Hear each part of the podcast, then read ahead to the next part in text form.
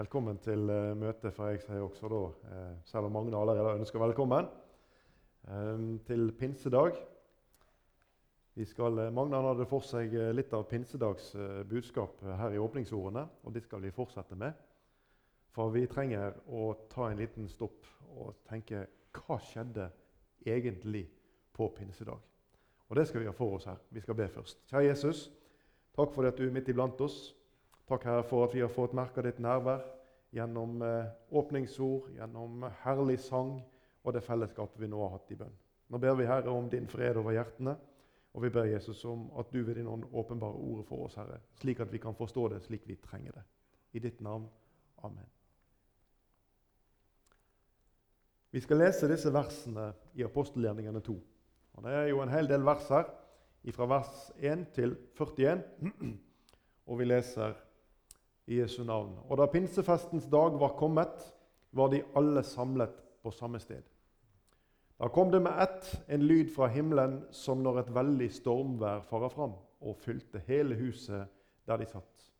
Og det viste seg for dem tunger liksom av ild, som delte seg og satte seg på hver enkelt av dem.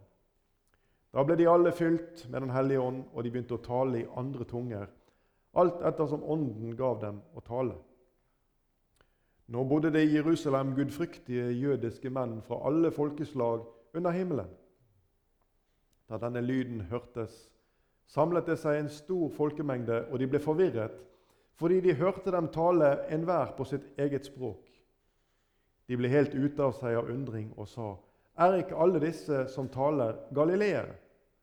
Hvordan kan det da gå til at hver av oss hører vårt eget språk, det som vi er født i? Vi partere og medere og elamitter, vi som bor i Mesopotamia, Judea og Kappadokia, Pontus og Asia, Frygia og Pamfylia, Egypt og områdene i Libya mot Kyrene og vi tilreisende fra Roma. Både jøder og tilhengere av jødenes tro, kretere og arabere, vi hører dem tale om Guds store gjerninger på våre egne språk. Alle ble forferdet og var i villrede. Og den ene sa til den andre, 'Hva kan vel dette være?' Men andre sa spottende, 'De er fulle av søt vin.' Da sto Peter fram sammen med de elleve. Han hevet røsten og talte til dem, 'Jødiske menn, og alle dere som bor i Jerusalem, la dette være kjent for dere, og lån øre til mine ord.' For disse er ikke drukne slik som dere mener. Det er jo bare den tredje time på dagen. Men dette er det som er sagt ved profeten Joel. Det skal skje i de siste dager, sier Gud. Da vil jeg utgyte av min ånd over alt kjøtt. Deres sønner og deres døtre skal tale profetiske ord. Deres unge menn skal se syner, og de gamle blant dere skal ha drømmer. Selv over mine treller og trellkvinner vil jeg i de dager utgyte av min ånd, og de skal tale profetiske ord. Jeg skal gjøre under oppe på himmelen og tegn nede på jorden, blod og ild og røkskyer. Solen skal bli forvandlet til mørke og månen til blod før Herrens dag kommer, den store og herlige. Og det skal skje. Hver den som påkaller Herrens navn, skal bli frelst. Israelittiske menn, hør disse ord. Jesus fra Nasaret var en mann utpekt for dere av Gud ved kraftige gjerninger. Under og tegn som Gud gjorde ved ham midt iblant dere, som dere selv vet. Han ble forrådt etter Guds fastsatte råd og forutviten, og dere slo ham i hæl idet dere naglet ham til korset ved lovløse menns hender. Ham reiste Gud opp idet han løste dødens veer, for det var umulig for døden å holde ham fast. For David sier om ham, 'Jeg hadde alltid Herren for mine øyne.' For han er ved min høyre hånd, så jeg ikke skal rokkes. Derfor gledet mitt hjerte seg, og min tunge jublet, ja, selv mitt kjød skal legge seg til hvile med håp. For du vil ikke forlate min sjel i dødsriket. Heller ikke vil du overgi din hellige til å se tilintetgjørelse. Du kunngjorde meg livets veier, du vil fylle meg med glede for ditt åsyn. Brødre, la meg tale med frimodighet til dere om patriarken David. Han både døde og ble begravet, og graven hans er hos oss den dag i dag. Men fordi han var en profet og visste at Gud med ed hadde lovt å sette en av hans etterkommere på hans trone, så var det Messias, Messias oppstandelse han forutså, og talte om da han sa at hans sjel ikke ble forlatt i dødsriket, og at hans kjød heller ikke så tilintetgjørelse. Denne Jesus reiste Gud opp, og vi er alle vitner om det. Etter at han nå er opphøyet ved Guds høyre hånd, og av Faderen har fått Den hellige ånd som var lovt, har han utøst dette, som dere nå både ser og hører. For David for ikke opp til himmelen, men han sier, Herren sa til min Herre, sett deg ved min høyre hånd, til jeg får lagt dine fiender til skammel for dine føtter. Så skal da hele Israels folk vite for visst at Gud har gjort ham både til Herre og til Messias, denne Jesus som dere korsfestet. Men da de hørte dette, stakk det dem i hjertet, og de sa til Peter og de andre apostlene, Hva skal vi gjøre, brødre? Peter sa til dem, Omvend dere, og la dere alle døpe på Jesu Kristi navn til syndenes forlatelse, så skal dere få Den hellige ånds gave. For løftet tilhører dere og deres barn og alle dem som er langt borte, så mange som Herren vår Gud kaller til seg. Også med mange andre ord vitnet han og formante dem og sa:" La dere frelse fra denne vrange slekt. De som nå tok imot hans ord, ble døpt, og den dagen ble det lagt til omkring 3000 sjeler. Hva skjedde egentlig på pinsedag? Nå har vi lest disse 41 versene her i Apostlenes gjerninger, kapittel 2. En lang beretning som inneholder veldig mange elementer, og som strekker seg tilbake til det profetiske ord. Og det er mange hendelser som skjer her på pinsedag. Og hvilken av disse er det vi har fokus på? Tradisjonelt så legger vi ofte fokus på dette som skjer, at utgytelsen av Den hellige ånd det, den stadfestes, den, den, profetien om at det skulle skje, den stadfestes her på pinsedag. Og Det skjer etter Jesu løfte. Det kan du lese om i apostelgjerningene 1,8. Når Jesus sier til disiplene at de skal bli i Jerusalem, og de skal få kraft, sier Jesus, i Den hellige ånd kom over dem. Leser vi Det gamle testamentet, så kunne vi ha funnet mange eksempler på hvordan Guds ånd virker på menneskene. Det er noen jeg har hørt som mener at det ikke står om Den hellige ånd i Det gamle testamentet.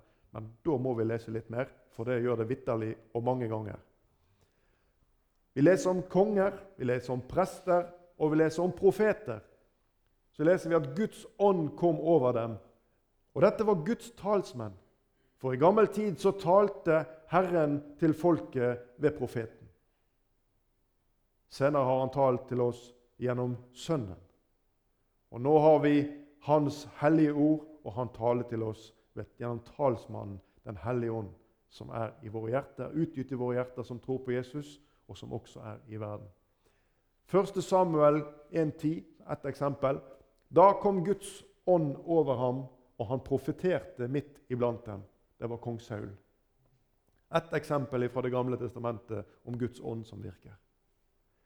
Jesus han var himmelens talsmann her på jorden under hans jordiske liv. Han talte med menneskene. Han tok av de ordene som han fikk ifra Faderen, og gav det til menneskene som hørte på ham. Men Jesus han sier noe om denne Hellige Ånd og denne andre talsmannen vi skal lese i Johannes 14, vers 16-17. Jesus han taler her om det som skal skje når han farer opp igjen til himmelen. Og vi leser Og jeg vil be Faderen, og han skal gi dere en annen talsmann, for at han skal være hos dere for evig Sannhetens ånd, som verden ikke kan få, for den ser ham ikke og kjenner ham ikke. Dere kjenner ham, for han blir hos dere og skal være i dere. Legg merke til at Jesus han snakker om to andre personer her. Han snakker om Faderen, og han snakker om en annen talsmann. Jesus taler ikke om seg sjøl her. Han taler om at han vil be Faderen og han skal gi dere en annen talsmann. Altså sannhetens ånd, som verden ikke kan få, for den ser ham ikke og kjenner ham ikke. Dere kjenner ham, sier Jesus til disiplene. For han blir hos dere og skal være i dere. Merk at Jesus taler i fremtid om dette. For nå er Jesus i verden når han taler disse ord med disiplene. Men han taler altså om at han skal be Faderen om å sende en annen talsmann. Og Jesus han sier også videre at han vil ikke etterlate disse som faderløse. Du, På pinsedag så utdytes Den hellige ånd over disiplene. Og Jesus han hadde sagt til de apostelgjerningene 1,8 igjen at dere skal få kraft idet Den hellige ånd kommer over dere. Disiplene de blir istandsatt som vitner og som redskaper for Jesus ved at talsmannen tar plass i deres hjerte og får åpenbare de ordene som Faderen vil tale til menneskene. Legg merke til Peter, denne fiskeren som står fram denne dagen i apostelgjerningene 2, og som hever røsten, som vi leste om. Han hadde sikkert en mandig røst, Peter, som var vant til å være der ute på sjøen. Israelittiske menn, lån øre til mine ord. Og så får vi en utleggelse fra det profetiske ord. Han trekker inn profeten Joel. Han snakker om David, om patriarken, om profetiske ord i flere aspekter og forklarer til menneskene hva som skjer, hva de ser og hva de hører. Og at dette er en oppfyllelse av det som er fra gammel tid. Peter han fremstår denne dagen nærmest som en som har dyp innsikt i Skriftene. Ikke som de skriftlærde som hadde det teoretiske forholdet til dette som var opptatt av loven og lovens bokstav, men som en som Den hellige ånd har fått åpenbart Guds ord og Guds vilje i hjertet til, denne Peter. Og så gjør han en utleggelse basert på at Den hellige ånd får virke gjennom hans villige hjerte.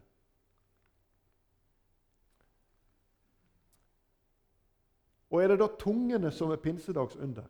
Ja, det er ett av underne som vi leser om på pinsedag. De talte i andre tunger. Men disse tungene som blir redskapen denne dagen, det er nettopp det. Det er et redskap til tegn over Guds makt. Et eksempel på Guds under blant menneskene, men et redskap for at alle disse menneskene fra ulike himmelretninger skulle forstå det budskapet som ble talt. Og så er det en profetisk oppfyllelse, det som skjer her. Peter han refererer til det i kapittel 2, vers 17 i Apostelens gjerninger. Da refererer han til det profeten Joel. Og Joel 3,1 der står det at 'jeg vil utgyte min ånd over alt kjøtt'. Nå er det ikke lenger bare kongen, nå er det ikke lenger bare profeten, nå er det ikke lenger bare presten. Nå er det hver den som har sagt ja til evangeliet i sitt hjerte, som har sagt ja til Jesus i sitt hjerte, som skal få del i Den hellige ånds gave. Og så har Den hellige ånd ulike gaver. Og ikke alle taler i tunger. Nådegavene de er forskjellige. Og Gud han utdeler disse gavene ettersom det er ganglig og tjenlig for menigheten og for enkeltmennesket. Det blir et eget tema hvis vi skulle gått inn og snakket om, om nådegavene. Men det fantastisk. Jeg bare nevner som en parentes. For Hvis du vil lese i 1. Korinterbrev kapittel 12, så kan du lese om nådegavene. I 1. Korinterbrev kapittel 14 så kan du lese om bruken av nådegavene. Og midt imellom disse to der står Bibelens store kjærlighetskapittel. 1. Korinterbrev kapittel 13. Og bare merk deg at kjærligheten er plassert i sentrum imellom nådegavenes tildeling og bruken av dem. Det er ingenting som er tilfeldig i Guds ord. Det er nøye bygd opp. Vi hører dem tale om Guds store gjerninger på våre egne språk. Her står det mennesker fra ulike tungemål. De hører på én mann som står der framme, og de hører på alle disse andre elleve som nærmest taler i munnen på hverandre. Og det de erfarer, det er at de forstår det de sier. Du, profetene i Det gamle testamentet, Jesus når han vandrer her på jord, og nå disse disiplene, de har noe til felles. I sin tale så har de noe til felles. De taler alle om Guds vilje, om Guds undergjerninger i fortid og i fremtid. Dette er det som skjer når Gud får virke på hjertene. Dette er det som skjer når et hjerte er villig å åpne seg opp for Jesus og blir fylt av Den hellige ånd. Jeg har tatt med et lite kart for oss som sitter her i, i salen i dag. så kan dere se. De som lytter på nett, de får ikke dette med seg, men jeg ville bare vise dere litt. Jeg tok et raskt utsnitt her i dag tidlig på kartet og har ringet inn noen punkter. Og Da ser dere på en måte landområdene som disse menneskene som hørte på pinsedag, hvor de kom ifra. Her ser vi Fra Afrika så ser du Libya og Egypt. Eh, og, osv. ser vi i eh, det som den gangen ble kalt for Arabia, dagens Saudi-Arabia, landet nedi der. Og Vi har Iran, og vi har Irak, og vi har Tyrkia, og vi har helt opp til Italia. Det er et kjempestort landområde som alle disse menneskene var representert ifra med sine tungemål. I Israel, som ligger med denne lille flekken nedi her. Her var de samla på denne dag. Skjønner Gud, han er uten grenser. Gud er uten grenser. For Gud så var det ingen sak å gjøre det slik at alle disse menneskene forsto budskapet. Jesus han sa til disiplene i apostelgjerning 1,8.: Dere skal få kraft idet Den hellige ånd kommer over dere. Jeg har understreka ett ord her. Dere skal få kraft. Vet du hva kraft over ditt kristne liv det er ikke noe som du kan opparbeide. Det er ikke slik at du går som på et treningsstudio og du oppøver visse muskelgrupper og styrer på for å bli sterkere for å klare et eller annet. Dette er en øvelse i å leve i Jesu nærhet. Og det, Jesus han sa til disiplene at de skulle gå inn i byen, og de skulle bli der og vente. Slik er det også med å være i Guds ord. Å bli i Guds ord og vente, så skulle de få det som var lovt. Dere skal få kraft i denne hellige ånd kommer over dere. Hvilken kraft er det vi snakker om her? Hvilken kraft er det Jesus snakker om her? Dere skal få kraft. Kraft til å gå langt? Kraft til å løfte noe tungt? Hvilken kraft er det Jesus snakker om? I Salme 105 vers 4 så leser vi Spør etter Herren og Hans kraft. Søk alltid Hans åsyn. Så det er ikke en hvilken som helst kraft vi snakker om her. Det er Herrens, Gud, den allmektiges kraft over menneskers liv Jesus peker på. Herrens kraft. Dere skal få kraft idet Den hellige ånd kommer over dere. Den tredje personen i guddommen, du som har vært her i arken tidligere, du har fått lytte til eh, når vi hadde for oss temaet om treenigheten. Hvordan dette så nøye henger sammen, og hvordan det likevel er så vanskelig å forstå. Men Det er altså den tredje personen i guddommen, Den hellige ånd, som flytter inn i ditt hjerte, og som kommer over ditt liv med kraft. Og det er Herrens kraft som blir utgitt. Og Om denne kraften kan du lese om, og jeg tar bare med en kort i Efeserne 1 og vers 20. Så står det om denne kraften at det var denne han, altså Gud, viste på Kristus da han reiste han opp fra de døde og satte ham ved sin høyre hånd i himmelen. Halleluja! Dette gjorde Gud. Det som var umulig for alle, det gjorde Gud.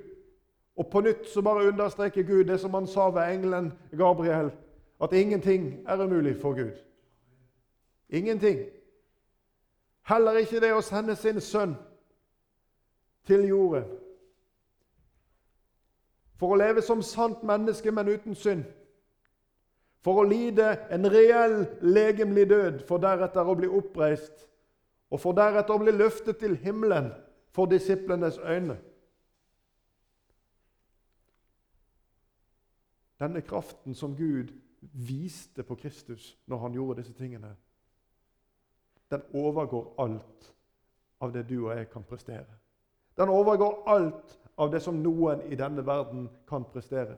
Og det er en utenomjordisk kraft og den kom ifra Guds himmel og ifra Guds vesen.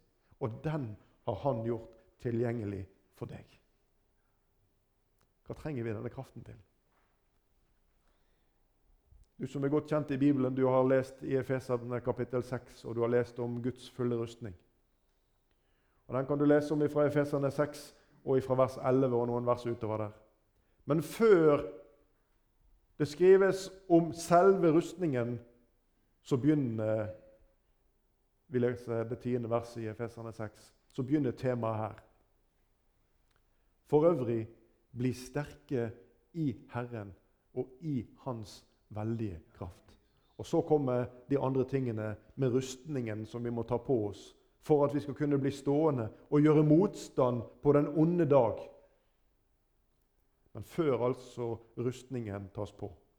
Bli sterke i Herren og i Hans veldige kraft.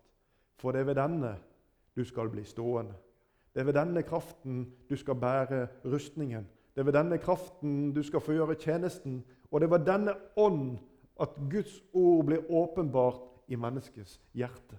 Både for egen del, men så skapes også vitnesbyrdet der inne til å dele med de andre. Dere skal være mine vitner, sa Jesus. Nær sagt i samme åndedrag som han sier til disiplene at dere skal få kraft. Så det er nokså åpenbart hva denne kraften skal brukes til. Dere skal være mine vitner. Vitne om hva? Du åpenbaringsånd som kommer over det hjertet som sier ja til Jesus.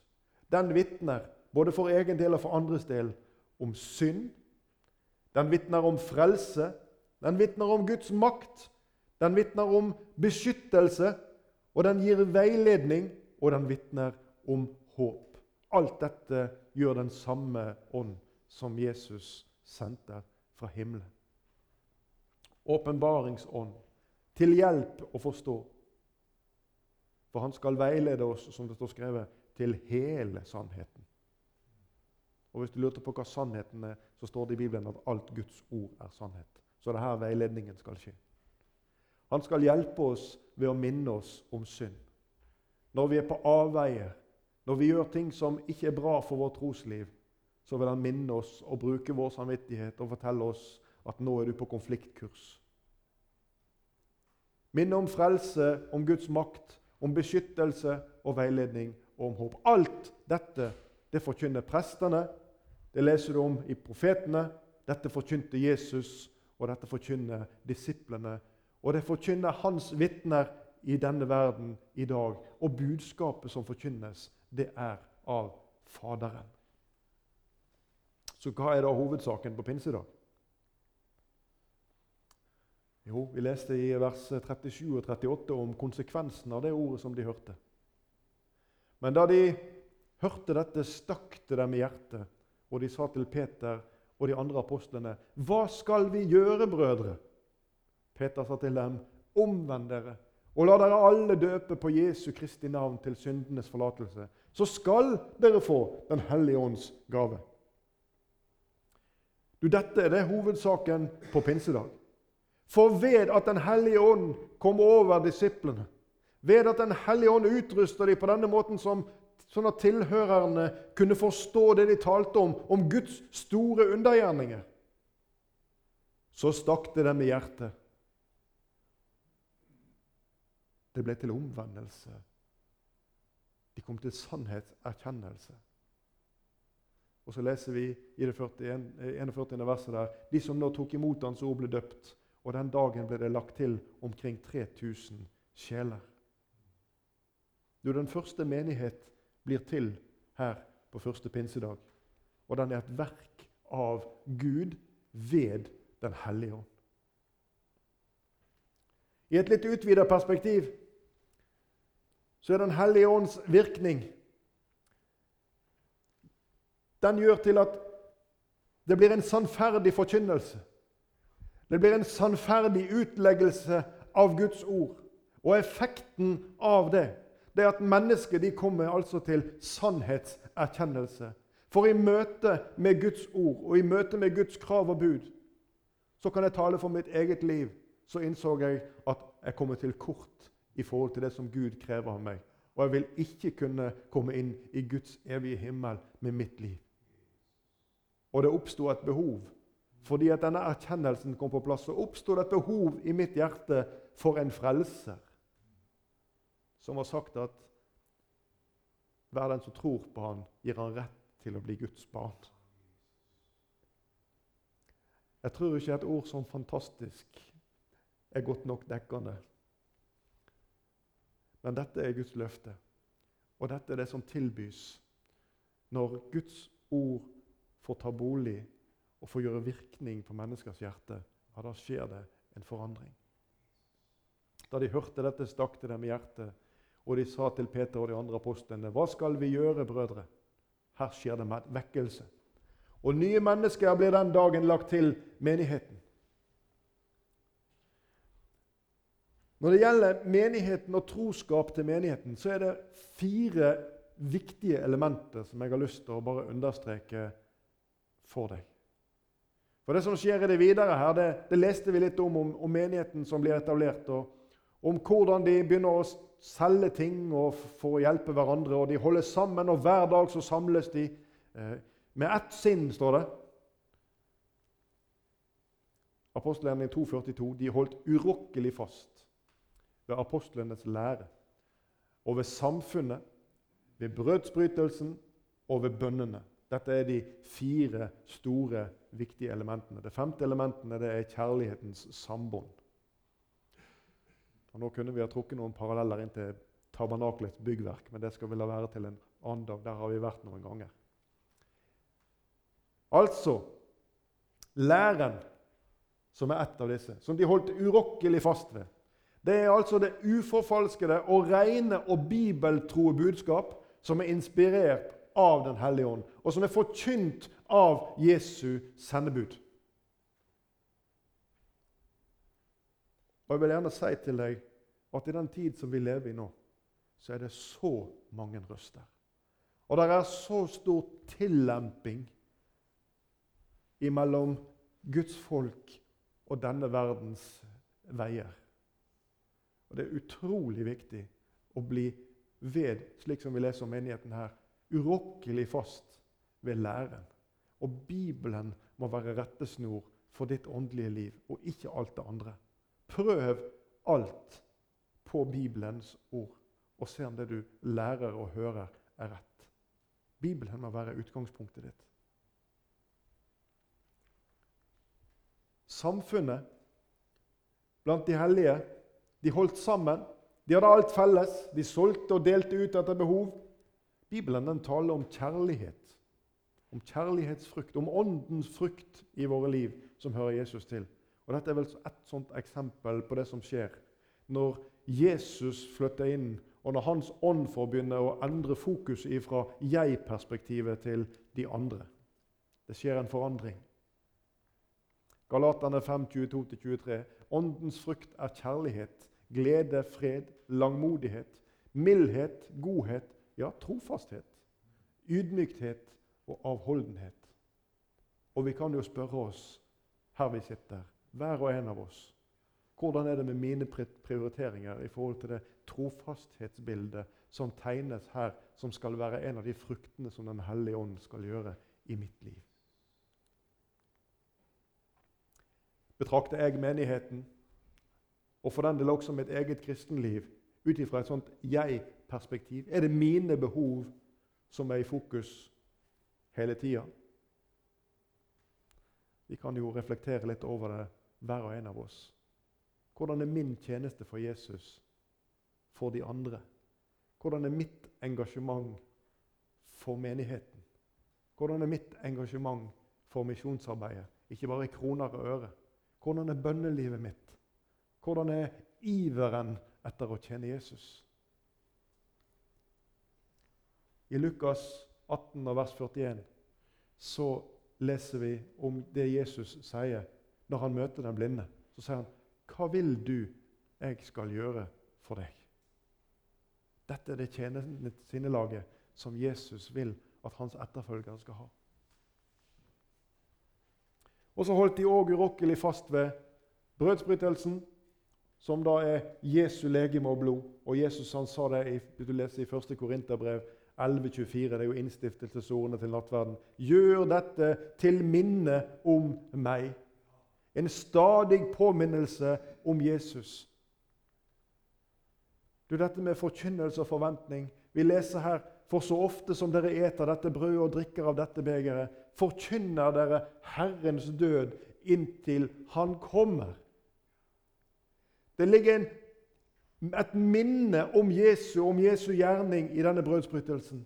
Men det ligger også en forkynnelse og et ytre vitnesbyrd gjennom å motta dette måltidet. En forkynnelse om Herrens død, men også om Hans omstandelse og om det evige håpet inntil Han kommer.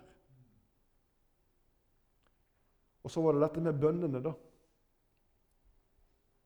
I Jakob 5,16 så leser vi:" Bekjenn derfor dere synder for hverandre, og be for hverandre for at dere kan bli helbredet.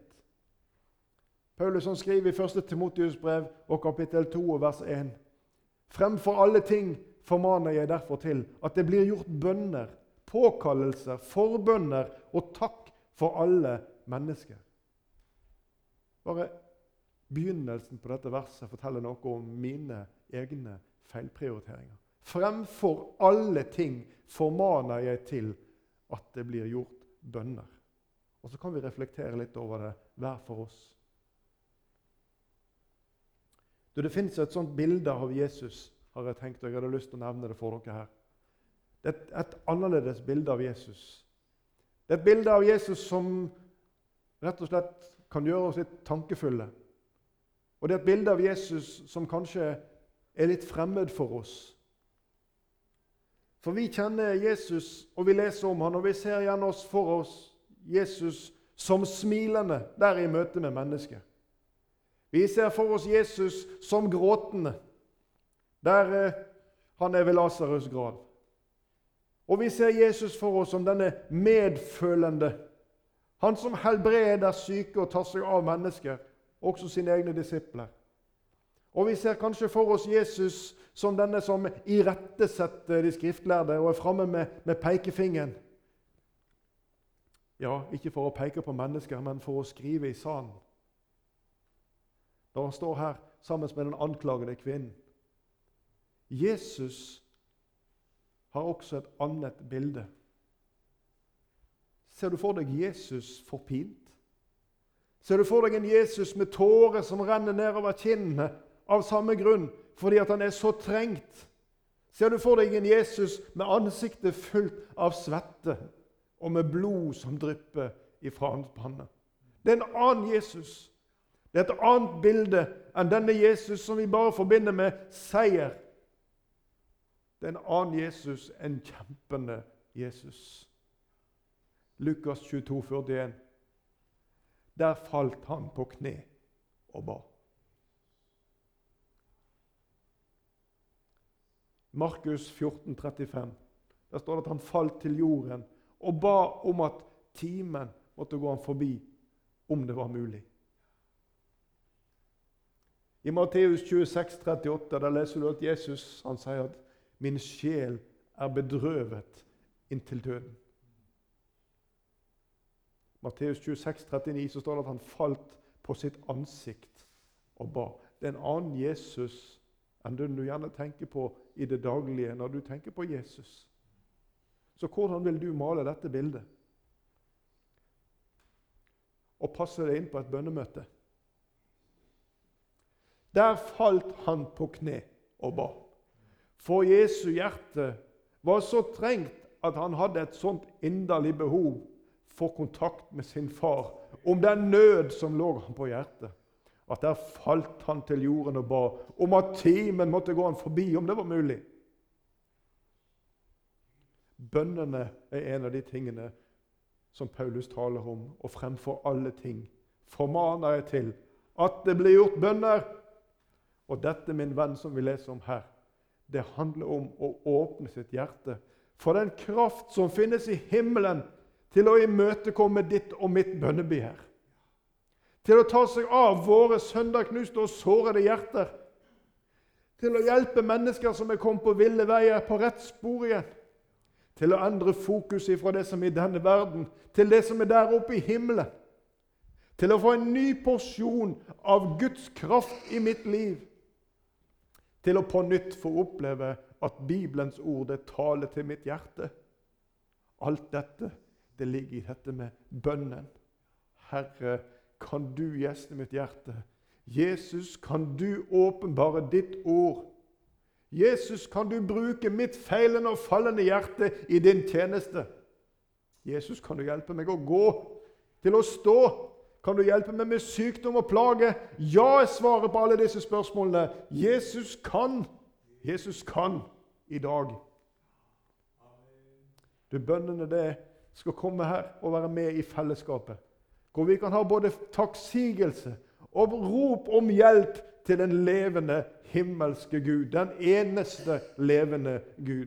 Og det kan få komme til uttrykk her. Og han hører. Be for hverandre, leste vi i Jakob 16. Og jeg minner igjen om Galaterbrevets budskap i kapittel 5 om kjærligheten, åndens frukt. Denne omsorgen som ligger i forbønn når vi ber for hverandre. Vi forsøker ofte alle andre løsninger, men merk deg at Jesus sitt eget førstevalg det er bønn. Og de tre store som vi leser om i 1. Korinterbrev 13, så blir de stående, disse tre. Du kjenner ordene. Tro, håp og kjærlighet. Men størst av dem, eller blant dem, er kjærligheten. Åndens frukt er kjærlighet. Og Når du leser 1. Korinterbrev kapittel 13 og leser det i dette lyset, så blir det litt annerledes. Da blir det ikke mitt og ditt strev og verk. Det blir noe som Den hellige ånd skal gjøre i våre hjerter. I forhold til de menneskene vi har rundt oss. I forhold til det arbeid som foregår i menigheten. I forhold til ektefelle. I forhold til barna. Alt dette får et annet perspektiv når det blir åndens frukt i vårt hjerte. Vi skal gå mot avslutning. Men Den hellige ånd den utgytes over og vil bo i hver den som tror.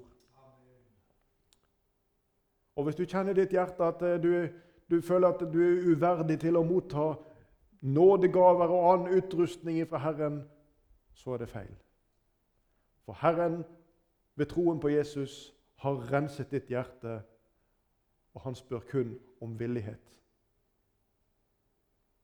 En skal merke seg at disse tildelingene av ulike nådegaver og de som skal tjene Jesus, må ha en viss grad av ydmykhet i sine liv. Og jeg synes, Det blir en parentes her, men jeg synes Jesus sjøl går foran som det beste eksempel også på dette området når det kommer til det tjenende lederskap som han utviser for disiplene, der han setter seg på kne, drar fram vaskefatet og begynner å vaske føttene deres. For en omsorg. Her er disse hendene som en gang var med og pekte der ute i universet og skapte stjerner og himler. Alt som vi kan se, som gjorde mennesket, som gjorde alt dette fine. Her er disse hendene nede mellom å vaske skitne føtter fra disiplene. De samme hendene som ble strekt ut på korset noen dager seinere. Gjennombora med nagler. Jesus han viser lederskap. Jesus han viser sann omsorg, og han tjener og betjener disse disiplene som er hos ham. Denne ydmykheten skulle være enda mer å spore i menighetsledelse. Du, Frelsen, det må jeg få lov til å understreke, den betinges ikke av disse synlige nådegavene. Det er en stor feil og nærmest en kortslutning om du skulle tro at dersom jeg ikke taler i tunger, så er jeg ikke ordentlig frelst. Legg til sides den tanken. Nådegavene de er ulike, og de er mange. Tror du på Jesus i ditt hjerte og har sagt ja til Jesus, 'Herre, jeg trenger deg, ta bort min synd', så kan jeg si til deg med et halleluja i mitt hjerte, du er på vei til himmelen. Nådegaver det er nemlig en tjenestegaver. 1. Peters brev, kapittel 4, vers 10, så leser vi ettersom enhver har fått en nådegave, så tjen hverandre med den som gode husholdere over Guds mangfoldige nåde. Dere er mine vitner, sa Jesus, og det er din rolle. Og det er også ditt ansvar som en Jesu etterfølger. Og det krever et lydig hjerte. Dette vekkelsesmøtet som vi leser om på pinsedag, og som vi nå har hatt for oss her i formiddag, det vitner altså om Åndens gjerning. Og det vitner om den frukten som følger av Åndens gjerning. Og denne frukten den skal altså bæres og ikke lages av menigheten og menighetens medlemmer. Den er det Gud som skaper ved sin ånd i hjertene.